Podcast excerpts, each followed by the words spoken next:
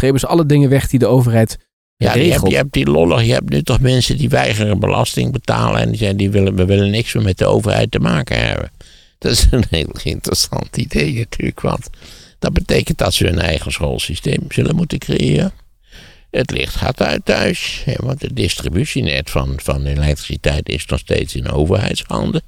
Het is natuurlijk van een immense stopzinnigheid. Ja, wat moet je daar nou van zeggen? Het verlossen, kunt u mij horen?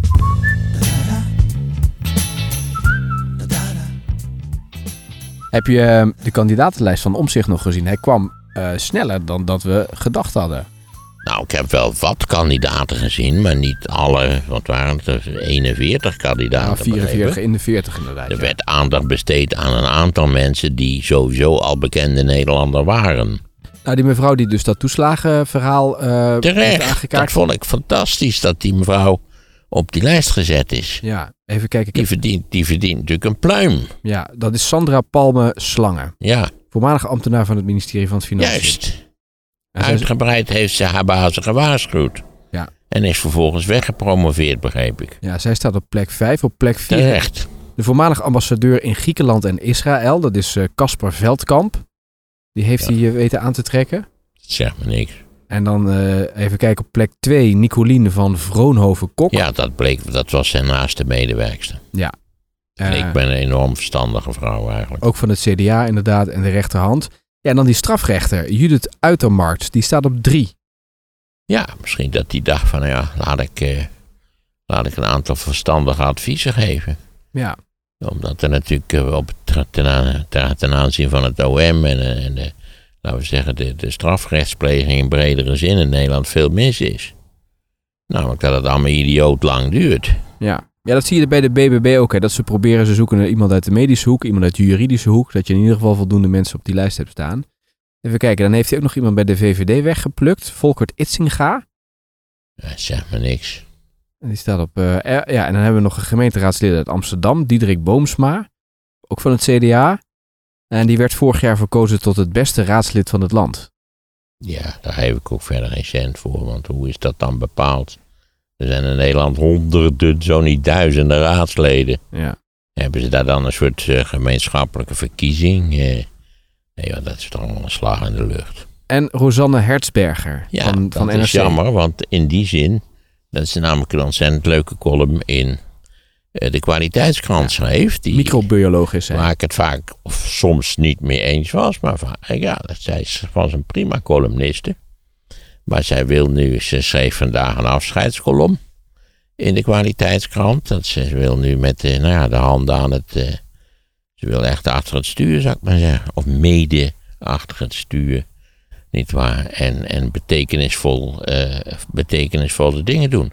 Dat zal haar ongetwijfeld ongelooflijk tegenvallen hoeveel betekenisvolle dingen je kunt doen. Eh, waarschijnlijk zullen bij veel idealisten zal natuurlijk de coalitievorming al een bittere teleurstelling zijn.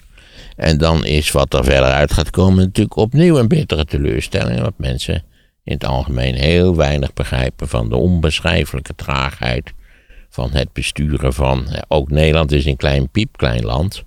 Maar de overheid is natuurlijk een supertanker van, van ongekende afmetingen, organisatorisch gezien. Ja. Dus dat gaat bitter tegenvallen. Maar ja, zo, zo zit het politieke leven in elkaar. Eh, Dat is bij uitstek een wereld van survivors. ja, maar je zou wel kunnen zeggen positief dat er nog mensen zijn die voor die politieke wereld kiezen. Want eh zoveel Ja, is maar anders dat is, die zijn natuurlijk bewogen door die, door die bubbel van, van optimisme. En alles kan anders. Die, die omzicht heeft, weet het of niet in zekere zin voor en rond omzicht gecreëerd is. Kijk, van die bubbel ben ik niet zo onder de indruk. Je weet ik dat ik er nogal instrumenteel over denk. In die zin dat ik enorm blij ben met omzicht. Omdat het natuurlijk van de, van de nieuwe Jezusen is het de eerste die inderdaad enig verstand van politiek heeft. En er aanzienlijk veel verstand van heeft. Eh, maar ik hoop natuurlijk dat die erin zal slagen om, om de VVD uit de cockpit te krijgen. Kijk, de VVD mag van mij mee als, als, als hulptank of zo. Maar niet meer in de cockpit. Ja, je hebt de peilingen gezien, hè? Ja, ik heb de peilingen gezien, dus ik ben helemaal niet optimistisch gestemd. Ah, het blijft spannend. En de peilingen Nou, het blijft wel spannend, omdat die, natuurlijk die drie grote, dat, dat is een beetje, dat, dat kan alle kanten op. Hè? Het zijn natuurlijk peilingen, dus er zit een marge in van zeker twee naar beneden en twee naar boven minimaal. Zo niet drie. Maar feit is toch dat het er, vind ik nu, iets minder eh, veelbelovend uitziet dan ik dacht. In mijn ongekend optimisme een week of twee, drie geleden. Omdat de VVD nog steeds meedoet met de grootste Ja, die, partijen. die, die scoren prima in de, in de peilingen. Dat is natuurlijk onbegrijpelijk. Als je weet dat de VVD, goed, even generaliseren en doorstoten hier, de hoofdverantwoordelijke is voor het verschijnsel wat tenslotte omzicht heeft veroorzaakt, namelijk de toeslagenaffaire. Hè? En, en het drama wat daardoor gecreëerd is, met tienduizenden mensen die daar het slachtoffer Nou ja, van om zich heeft het niet gecreëerd. Die heeft daarvan... eh, Nou ja, goed, die was een van de aanjagers van de kritiek op. En Ja. die heeft daar langdurig achterheen gezeten. En ja, ik weet ook dat, dat hoe heet ze, Renske Dinges, dat die, dat, die, ja, dat die daar ook een heel belangrijke rol in heeft gespeeld.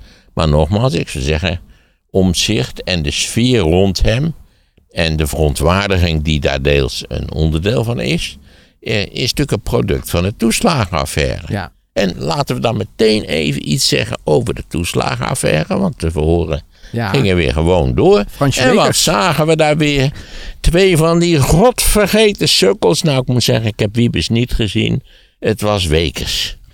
Nou had ik al geen hoge dunk van Wekers. Maar die dunk is nu werkelijk tot het absolute nulpunt gezakt. Hij Zo. was staatssecretaris toch? Ja, Voor de VVD. Ja. hè?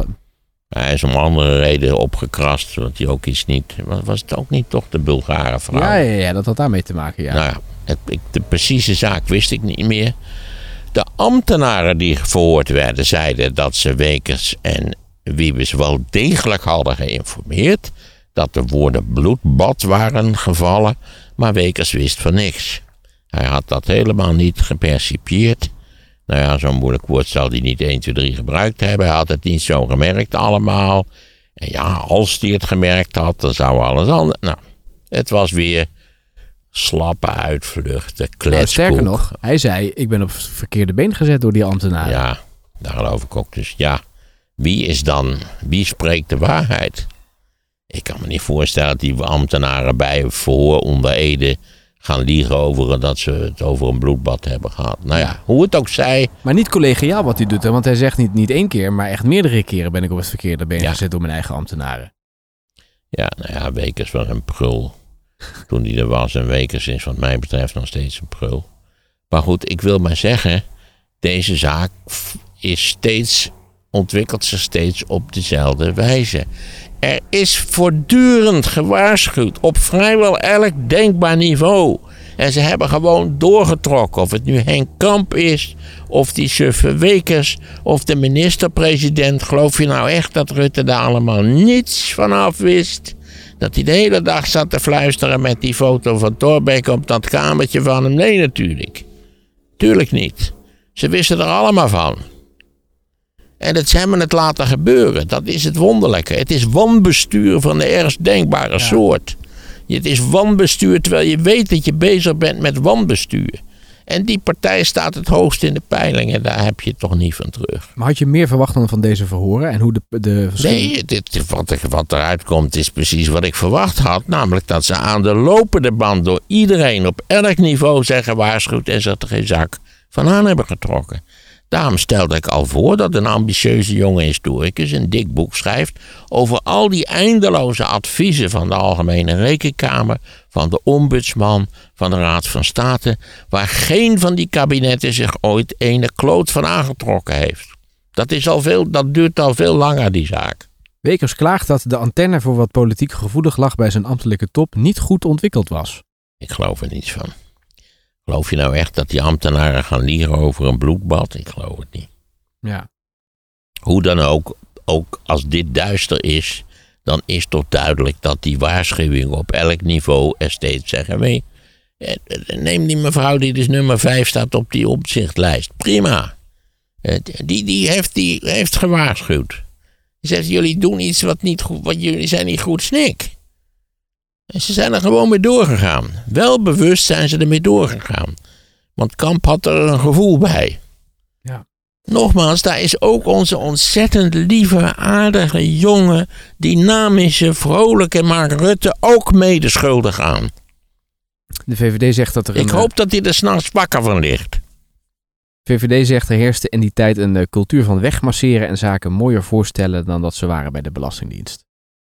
Maar de Belastingdienst zelf is ook kapot gemaakt door reorganisaties en bezuinigingen en de meest, de meest zonderlinge beleidsbeslissingen.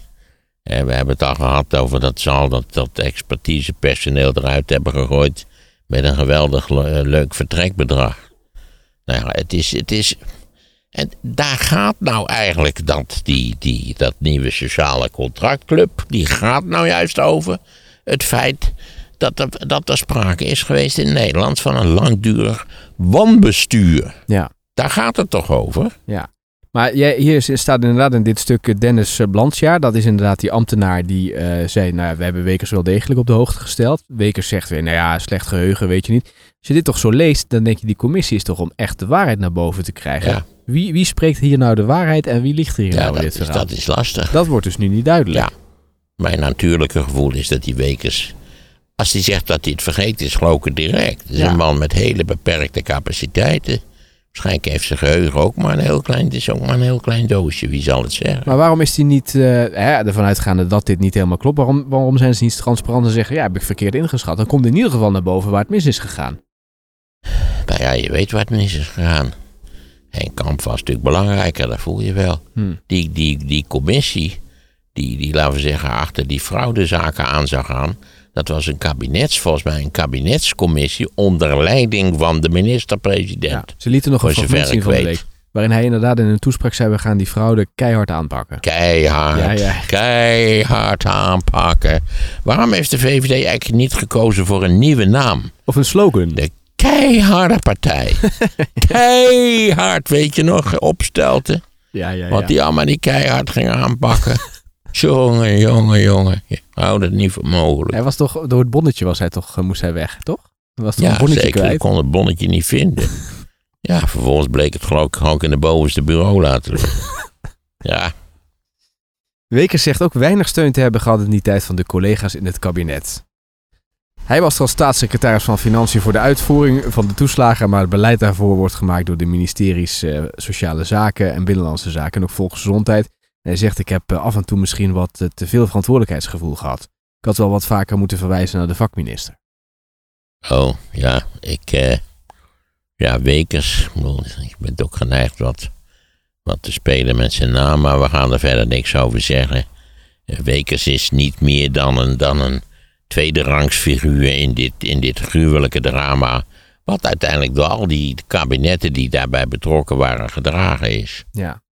En die toeslagen bestaan nog steeds, hè? Ook nu nog. Ja, sterker nog, ik begreep dat de armoedebestrijding voor volgend jaar ook in feite toch weer gedeeltelijk eh, door middel van toeslagen zal worden uitgevoerd. Ja, moeten we daar dan niet... eh, We zouden de verkiezingsprogramma's eens erop na moeten slaan wat de partijen daarover zeggen. Ja, zeker, zeker. Ik weet ook niet of, eh, hoe omzicht daar tegenover staat. Ja.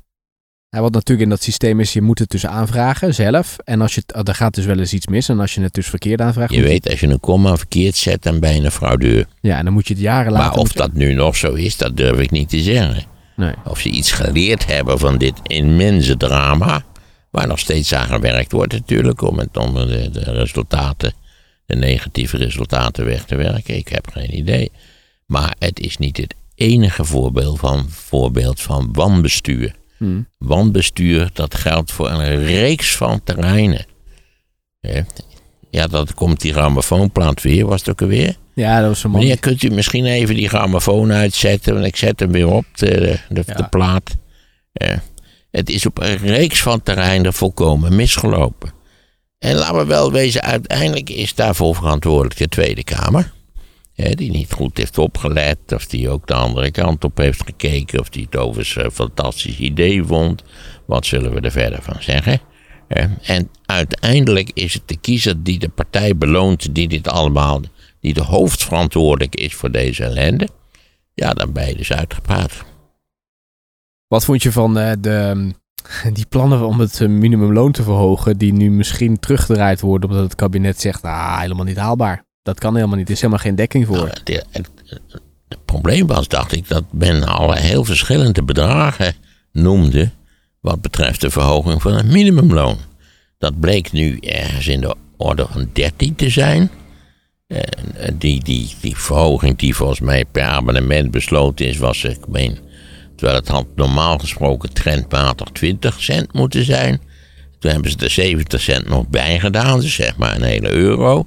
Eh, maar toen zei de ChristenUnie, die zei het moest wel 18 euro worden. Leek mij een beetje een, een, erg snelle verhoging. Vooral omdat dat minimumloon in dat hele loongebouw of dat hele eh, inkomensgebouw een, een centrale rol speelt. Omdat andere uitkeringen weer aan gekoppeld zijn. Ik kan daarvan de details niet beoordelen. Dat het, kijk, die, die hele rare dag dat die zaken besproken werden door al die gelegenheidscoalitietjes. Was natuurlijk een beetje een vreemde vertoning. Maar laat er dan een groep deskundigen naar kijken, dat kan toch? Laat het Centraal Planbureau er naar kijken. Het ging met name om de dekking, hè? Dus de, ze kwamen dan niet uit. Ja, dat lijkt me. Ja, omdat je natuurlijk, als je het minimumloon verhoogt. en je moet al die andere dingen ook gaan verhogen. Dat zal natuurlijk, wat betreft het denk ik, wel een rol spelen. Ja.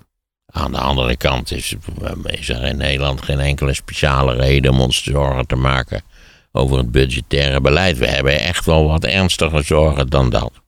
En trouwens nog over omzicht. Hij gaat ook overal meedoen. Hè? Dus dat uh, wat, wat eerder nog een beetje boven de marketing van hij gaat maar op... Ja, daar bleek niets van te kloppen van die geruchten. Nee, hij wil overal meedoen. Ja, sterker nog, zag ik niet ergens staan dat hij als hij een beetje onder druk gezet wordt en zijn vrouw vindt het ook goed, dat hij dan ook wel minister-president wil worden. Oh, dat heb ik niet gelezen. Dat, Heeft hij dat gezegd? Zijn. Ja, misschien ben ik weer gedreven door mijn optimisme, want als we omzet als MP krijgen, dan krijgen we Jessel Augustus niet als MP. Maar hij heeft wel gezegd, volgens mij bij die presentatie, een premierskandidaat hebben we nog niet. Waarmee niet uitgesloten is dat hij het gaat doen. Maar... Precies, dat is waar. Ik, ik vind hem best een man. Het lijkt me een ongelooflijk deskundige man. Maar voor mij is het een instrument. Ik hoop dat hij ervoor zorgt dat de VVD niet terugkeert aan de knoppen. Ja. Ja, ze mogen wat mij betreft een minister her of der of een staatssecretaris leveren. Helemaal geen probleem. Het lijkt me eens heel gezond om na 13 jaar eens in de oppositie te gaan. Maar goed, dat was mijn liefste wens. Ja. En nu zie ik aankomen dat die niet gerealiseerd gaat worden. En hij heeft in ieder geval qua partij, want we hebben er nu een paar genoemd van die kandidaten, maar hij heeft ook heel goed gekeken hoe ga ik nou die spreiding over het land doen. Dus hij heeft ook in de, aan de randen van het land heeft hij wel uh, kandidaten op de lijst gezet, zodat hij daar natuurlijk lokale ja, types... ook heel verstandig, want dat is een van de onderdelen, begreep ik, van zijn eh, ideologische her heroriëntatie. Dat we ook moeten denken aan wijken en streken en, en nou ja, aan zeg maar lokale samenhang op wat lagere niveaus. Overigens allemaal klassieke CDA-politiek, toch? Ja. Vragen van luisteraars over uh, die schietpartij in uh, Rotterdam. Mensen vragen zich af of jij uh, de problemen in het land ook terugziet in die schietpartij. Bijvoorbeeld OM dat al vaker waarschuwde bij het Erasmus MC dat er iets mis was met die ja. Poehat L. Vind jij dat dat ook geschaard kan worden onder de problemen in ons land? Of is dat meer een incident? Vraag die meerdere keer is binnengekomen. Ja, ik denk dat het. Uh, je moet het niet overdrijven, maar het is een feit. Dat we vrij regelmatig te maken hebben met mensen die geestelijk ernstig ontspoord zijn. Niet waar, het is duidelijk dat die Fouad ernstig, veel ernstiger last van psychoses had. Had dat eerder aangepakt moeten worden? Had die man behandeld moeten worden? Had hij uh, eventueel. Want hij is wel gestraft voor het, het mishandelen van die konijnen, als ik het allemaal begrepen had. Maar dus de, de ontsporende jonge man die gekke dingen doet en die in feite een wandelende tijdbom is. Daar hebben we in de afgelopen jaren met enige regelmaat mee te maken gehad. En dat zou je eventueel kunnen herleiden tot, tot, de, ja, tot de overbelasting van de geestelijke gezondheidszorg. En het feit dat je, geloof ik, in de geestelijke gezondheidszorg, als je je daar aanmeldt, dat je dus eindeloos moet wachten voordat je aan de beurt bent. Maar wat ik er zo over las in de kranten, leek me die Fouad wel goed gek, ja. Ja. En de vraag is ook, kun je dit voorkomen? Want dit soort gekkies hou je natuurlijk altijd in de maatschappij. Ik denk dat je dat uiteindelijk niet kunt voorkomen. In dit geval een man die al veroordeeld was ooit, waar het OM dus voor gewaarschuwd heeft bij dat ziekenhuis. Uh, een man die ook door zijn buren als een volstrekte halve haren werd beschouwd, ja. Ik vind dat moeilijk te zeggen. Kijk, je weet hoe het is met dit soort van dingen. Achteraf zeg je, hoe is het mogelijk dat? Maar eh, daarvoor eh, is het, is het, was eigenlijk net als met, met 9-11, om het op iets grotere schaal te, te bezien. Hoe is het mogelijk dat we het gemist hebben? Maar natuurlijk, voordat, voordat het gebeurt, is het een, een baaiend van chaotische informatie. En waarvan je niet weer precies weet hoe je de keuze moet maken wat wel en wat niet relevant is. Nee. Kijk, achteraf heb je altijd spijt van dit soort van dingen. Groot of klein, je hebt altijd denken, hoe is het, is het, hoe kan het dat gebeuren? Ja, Ja. dat kan gebeuren. Maar is het te voorkomen? Helemaal, de, de, de, gek, de gekke jongeman, nee, dat, die is niet helemaal te voorkomen. Nee. Want dat, dat, daar speelt natuurlijk weer, wanneer, wanneer moet je iemand opsluiten? En wanneer mag het wettelijk ook? Ja, dat is nog wat anders, omdat we natuurlijk op dit punt hebben we de, de rechten van de gek, om het maar even wat simpel te formuleren, die hebben we enorm eh, eh, uitgebreid volgens mij al in de jaren zeventig. Ja. Omdat we dus mensen niet wilden opsluiten in allerlei eh, rustgevende instellingen. Ja. Of behandelende instellingen. ja. Hey, Timmermans is ook lekker bezig. Die, is, die begint eindelijk een beetje van zich te laten horen.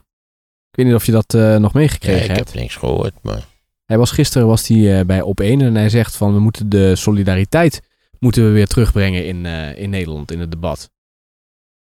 ja, dat is fijn. Daar ben ik ook erg voor, maar ja, hoe doe je dat precies? Ja. Wat is trouwens solidariteit? Ik bedoel, waar komt dat op neer?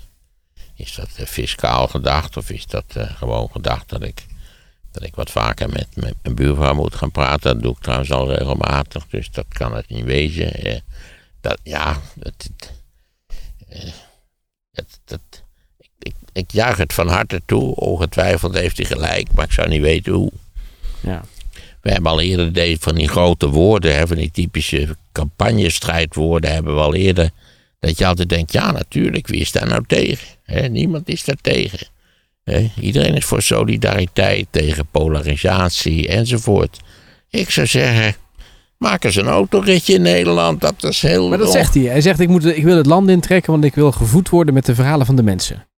Ja, nou vooral dit. dit. Maak gewoon op een, op een vrij drukke dag in Nederland een autorit. En u komt tot de wonderlijke conclusie dat de meeste Nederlanders totaal niet solidair zijn. Zeker bij ritsen zijn zij niet solidair. Ze rijden nog liever tegen je op dan dat je ze even je in de file laten.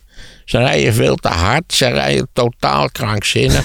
nou ja, ze, ze, het is een relatief kleine groep. Maar het verkeer is vaak wel een, een, een- biedt wel een wonderlijke blik op, laten we zeggen, egocentrisch gedrag, eh, ja, gestoord gedrag. En ik ben bang dat dat natuurlijk vaak weer jonge mannen zijn. Hè? Die flinke, ja, god, dat die testosteron, die staat dan onder het neusvleugeltje. En, en dan eh, ja, raken ze de koers kwijt. Ja. Dus ja, ik ben, ik ben er echt voor solidariteit. Ik ben ook voor meer democratie. Ik ben voor, voor, het is heel gek, ik ben voor alle mooie gevoelens. Ik ben ook voor de dieren. Ik ben, ik ben voor de immigranten. Ik ben, je kunt zo gek niet verzinnen of ik ben ervoor. Maar hoe we het precies gaan uitvoeren, dat wil ik altijd graag weten. Ja, denk eens aan, aan verkiezingen. Denk eens aan alle, alle fantastische, leuke, van, optimistische, fijne dingen die Rutte heeft gezegd. En, eh, en laten we eens kijken wat daar precies uitgekomen Maar is. vertrouw je eh, Timmermans meer dan Rutte? Ik vertrouw pas als ik het zie. Ik ben ervan overtuigd dat ik, dat heb ik al eerder gezegd, dat Rutte, eh, sorry, dat Timmermans een competente en verstandige politicus is. Die weet wat hij doet, die een lange, lange ervaring heeft. Ook een lange, lange bureaucratische ervaring. Die weet dat het heel lastig is om dingen daadwerkelijk te realiseren. En als je ze eenmaal gerealiseerd hebt om het ook daadwerkelijk uit te voeren, zonder meer. Maar ik wacht de verkiezingsuitslag graag af. Ik wacht de coalitievorming graag af. Ik leef in doodsnood dat dat helemaal de verkeerde kant op gaat. En wat hebben we dan aan al dat fantastische enthousiasme van dit moment eigenlijk gehad? Dat is mijn vraag. Maar dus- Omdat kwaadaardigheid nog steeds in Nederland een vrij prominente emotie is. Maar het is natuurlijk wel zo, als je echt verandering wil ten opzichte van de afgelopen jaren, heb je in ieder geval omzichten in de lead nodig of Timmermans. Zonder meer. En, en liefst natuurlijk een combi. Maar je, ziet, ja, je hoeft geen groot denker te zijn om te begrijpen natuurlijk dat, dat de VVD, mocht die toch weer de grootste partij worden, en dat is bepaald niet Ja. mogelijk of uitgesloten, niet waar, met een beetje vage, slecht gedefinieerde gedoogsteun van de PVV, nog wel eens een eind zou kunnen komen. Ja.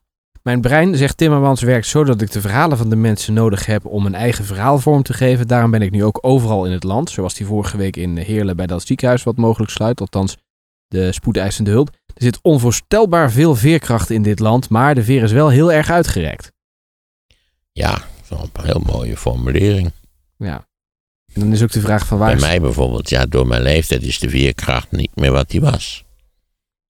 Nou ja, je bent natuurlijk ook wel een beetje pessimistisch door alles wat je hebt gezien, toch, de afgelopen jaren?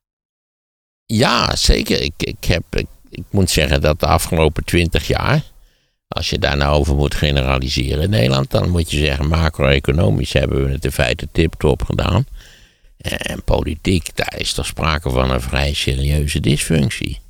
Het is, is geen Verenigde Staten, maar het, een van de problemen, denk ik, van het Westen, om het maar heel breed te trekken, is dat het ons economisch eigenlijk vrij goed gaat. Dat, dat we ook wetenschappelijk opzicht heel inventief en creatief zijn. Wat je van al die, al die autocratieën bepaald niet kunt zeggen. Dus er zijn tal van, van interessante lichtpunten. Maar juist de politiek is helemaal geen lichtpunt. Of dat nou de Verenigde Staten is, niet waar? Of, of kijk nu weer bijvoorbeeld de Slowakije, al die hoogst ongelukkige Oost-Europese landen die, nou ja, die, die niet functioneren zoals ze misschien zouden moeten functioneren. Want er zijn verkiezingen, hè? Ja, en, en nou ja, daar blijken toch allerlei rechtse krachten een heel belangrijk spel te spelen. En Rusland En dat ook. heeft steeds dezelfde oorzaak in Oost-Europa, namelijk dat die steden prima functioneren en snel moderniseren, maar dat het platteland achterblijft. En het, de plattelandsproblematiek is iets wat, wat eigenlijk in heel Europa speelt en bovendien evengoed natuurlijk in de Verenigde Staten. Wie zijn natuurlijk de, de echte Trumpianen? Dat zijn de mensen uit flyover country, zoals heel veel Amerikanen dat noemen. Hè? De Nebraska's van deze wereld, de Oklahoma's van deze wereld. Maar hetzelfde probleem hebben we natuurlijk in Europa. Kijk, die, neem Duitsland, de alternatieven voor, voor Duitsland, de AFD. Zijn dat fascisten? Zijn dat vuile nazi's? Ze zeggen suffe dingen. En dat, dat, maar dat zijn ze eigenlijk. Het, het is een protestpartij die uiteindelijk drijft op, op kleine steden, dorpen, platteland, wat niet meedraait in de modernisering. Maar wat we in Duitsland jaren niet gezien hebben door de gevoeligheden na de Dat, oorlog. dat is zonder meer een feit, ja. Maar je ziet ook als je naarmate je vestigser in Duitsland komt, neemt ook die. Het is toch, de AFD is toch voornamelijk een DDR-verschijnsel. Maar het DDR-verschijnsel laat zich generaliseren. Denk aan het Fra- Franse platteland. De gele hesjes. hè. Denk aan Oost-Europa. Denk aan, aan, aan de PIS-partij in Polen. Eh, Dat, dat heeft, heeft allemaal dezelfde oorzaken. Dat, dat platteland en, en laten we zeggen de, de stedelijke cultuur tegen elkaar indraaien. Hm. Maar waar denk je dat de BB-beweging vandaan komt? Zelfde, oorzaak. Dat Nederland bovendien een geschiedenis heeft van dat we elke vier jaar een nieuwe verlosser moeten hebben. Dat is nou weer wat anders. Maar de BB-beweging is in essentie eenzelfde verschijnsel als de AFD. In Du- zonder dat ik overigens een, een ideologische, directe ideologische verwantschap wil suggereren. Maar dat probleem, dat dat platteland het gevoel heeft dat het verwaarloosd wordt, dat het niet erkend wordt, ja, dat speelt overal. En feit is natuurlijk dat stedelijke samenlevingen heel sterk verschillen van, eh, laten we zeggen, een, een wat ouder platteland. Al hebben we in Nederland veel minder volgens mij dan bijvoorbeeld in Duitsland of in Frankrijk echt platteland. Als je, door dat, als je toch door die eenmalige DDR reist, dan eh, het was er zo rustig en prachtig dat ik dacht, dat is ook zo gek. Daar heb ik nooit iets van begrepen dat je hele onaangename mensen in prachtige landschappen hebt. Ik heb altijd een soort illusie dat als mensen nou naar buiten kijken en zien wat een prachtig landschap het is, dat ze dan mildere gedachten krijgen. Maar dat is helemaal niet waar, in feite. Ik dacht nog, ik open een vakantiehuisje in het zuiden van de DDR. Voormalige DDR. Jo, prachtig landschap. Hartstikke rustig. Prijzen waar je, nou ja, moet moet je hier in Utrecht, als je dat huis verkoopt, voor mij kan ik een kasteel kopen in Duitsland. Je noemde Slowakije, waar die verkiezingen zijn. Ook online wordt daar de Russische desinformatie weer Ja, opgevoerd. zeker. hè? Facebook speelt ook daar weer een hele onaangename rol. Uh, nou ja, ik weet niet. Ik las weer een stukje. Ja, natuurlijk, die, die social media zijn natuurlijk een verschrikkelijke ramp. Waar we ook geen einde meer aan kunnen maken. Want je kunt het morgen allemaal sluiten en dan begint het clandestien gewoon overnieuw. In die zin is internet een oncontroleerbaar systeem. Maar dat is eh, vrij treurig. Ja. Omdat natuurlijk het treurige van alles is dat, dat de meeste normale mensen, die zijn normale mensen, het woord zegt het al. En die zijn niet verschrikkelijk boos, die hebben wel eens wat mindere puntjes natuurlijk. Maar die willen gewoon rustig hun eigen fijne burgermansleven leiden. En de welvaart in West-Europa maakt dat voor de meeste mensen ook mogelijk. Maar er is dus een factie, een, een nou ja, kijk naar Twitter. Van kwaadaardigheid, ge- bedreigen met geweld, doodswensen. Nou ja, iedereen kent de patronen. Ja, die mensen zijn er dus. Dat is een relatief kleine groep, maar die domineert wel. Omdat wij het allemaal, niet waar, ook de media die neiging hebben. Men is altijd gericht op de gekken, op de gewelddadigen, op die idioten. Natuurlijk Ja. is dat zo. Ja. En niet, niet op de brave burgerman. Eh, die die eh, eh, in het weekend naar de Efteling gaat met zijn twee kindertjes. Nee. En er speelt natuurlijk Zou veel, Koos sowieso een hand draden, maar goed, dat is weer wat anders. en er speelt natuurlijk veel meer in de maatschappij. En dat wordt op die manier natuurlijk helemaal niet zichtbaar. Dus je, het venstertje op je Nee, weer- nee, omdat de, de- kijk, de, de media leven van, van theater, van variété, van opwinding in de tent, reuring, ga zo maar door. Ja. Ja. Eh, nog eventjes over Timmermans, want he- hem werd natuurlijk ook gevraagd van, ja, eh, hoe gaan we, waarom is het nou zo misgegaan? En eh, wat hij noemde, ik zal ook eventjes het citaat voorlezen, want het sluit eigenlijk aan waar wij, waar wij het eerder al over hebben gehad. Denken mensen natuurlijk weer van, hé, hey, dat is allemaal vooropgezet spel, maar het, hij zegt van, waar is het misgegaan? En dan zegt hij, op het moment dat we dachten dat we het allemaal zelf zouden redden, zonder overheid. Toen is het misgegaan. De markt kan het redden en daardoor is de overheid steeds verder weggeduwd. Nou, daar heeft hij op zichzelf, denk ik, ideologisch gezien wel gelijk in. Omdat natuurlijk in de jaren zeventig, maar in het bijzonder ook in de jaren tachtig, het idee opkomt dat de overheid in feite een rem is op, het, op de volle ontplooiing van het individu en van met name ook de zakelijke en commerciële wereld. Vergeet niet wanneer begint dit. Margaret Thatcher wordt gekozen in het voorjaar van 79. Nou ja, Margaret- Thatcher had hele vaste, weet je niet, haar wereldberoemde uitspraak, there is no such thing as society. We hebben alleen dus maar individuele mensen. Dat, beter kun je eigenlijk, wat, wat eh, hoe heet Timmermans daarvoor woord niet beter samenvatten, dan met dit citaat van Thatcher. There's no such thing as society. There are only individuals. Dat is gelul. Dat is ook stom gelul. Maar ik denk dat dat voor veel mensen. Je hebt toch ook in Amerika zo'n hele beweging die zegt: ja, sowieso belasting is diefstal. Ons succes dat hebben we aan onszelf te danken, niet aan de samenleving. En dan kun je dan eindeloos gaan zitten lullen dat ze naar school geweest zijn. En dat ze met hun auto over de weg rijden die door belastingcent is aangelegd. Nou, gaan ze maar door. Dat, dat, veel mensen hebben het gevoel dat, dat, ze, ja, dat ze tekort worden gedaan door de overheid. Dat is niet zo. Overigens is onze overheid helemaal niet kleiner geworden. Onze overheid heeft eigenlijk alleen maar zijn prioriteiten verschoven. Namelijk dat je van allerlei dingen mag en er vervolgens, niet waar, hebben we een heel controlesysteem opgetrokken. Wat geleid heeft tot eh, de bekende, zijn we weer terug, hè, tot de toeslagenaffaire. Ja, Dat je dus bepaald hebt dat iedereen die een komma verkeerd zet, dat dat een fraudeur is. Hè, dus de, laat maar zeggen, de, de fraudeurswaanzin.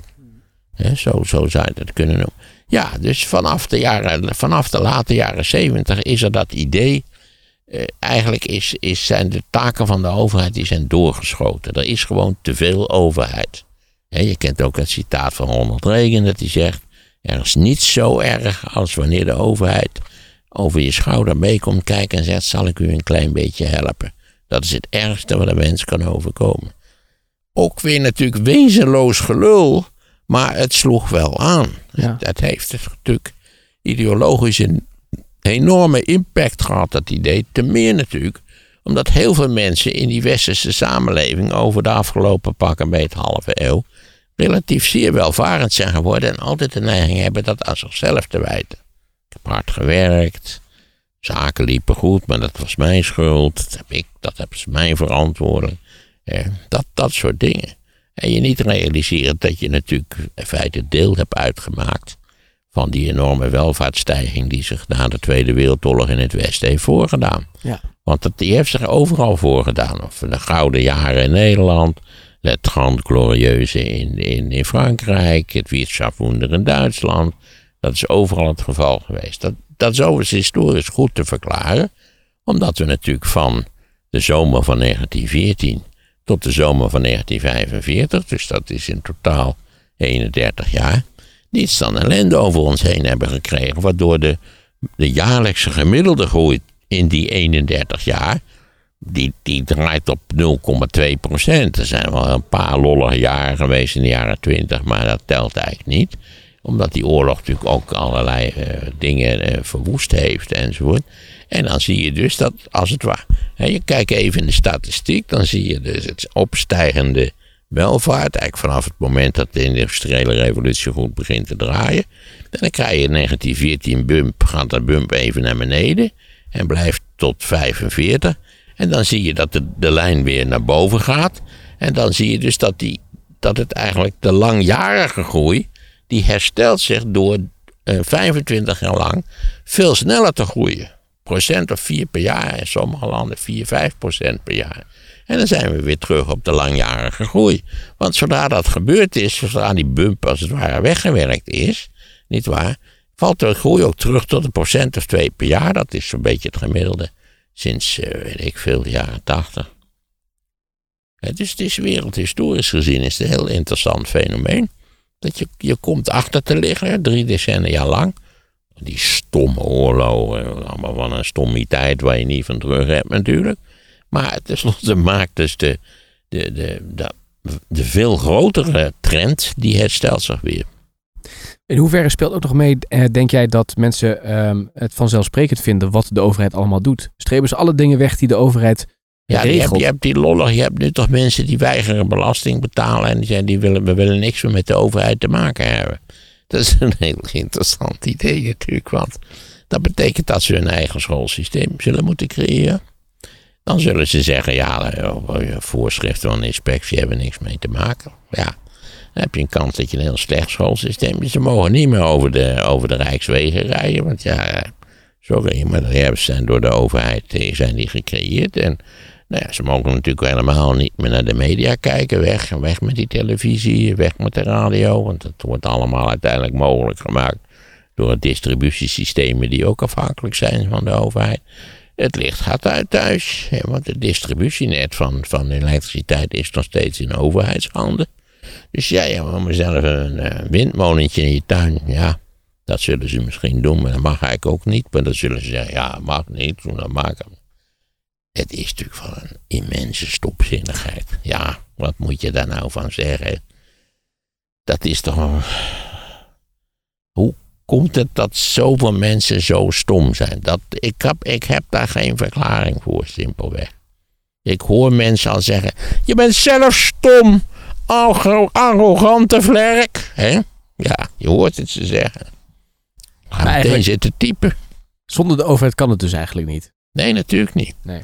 Sterker nog, eh, als er nou één soort van samenleving een zeer actieve, goed draaiende, efficiënte overheid nodig heeft, dan is het wel een industriële samenleving. Omdat een industriële samenleving die goed functioneert aan een hele reeks van hele complexe eisen moet voldoen. Ja. Op het terrein van infrastructuur, voorschriften. Het is natuurlijk, kijk, de, de, ondernemer kan wel klagen dat hij, dat hij uh, wat, best wat meer rotzooi wil uitstoten. Maar stel voor dat de overheid het niks kon schelen. Dan kan zijn concurrent die twee straten verder zit drie keer zoveel rotzooi uitstoten dan hij.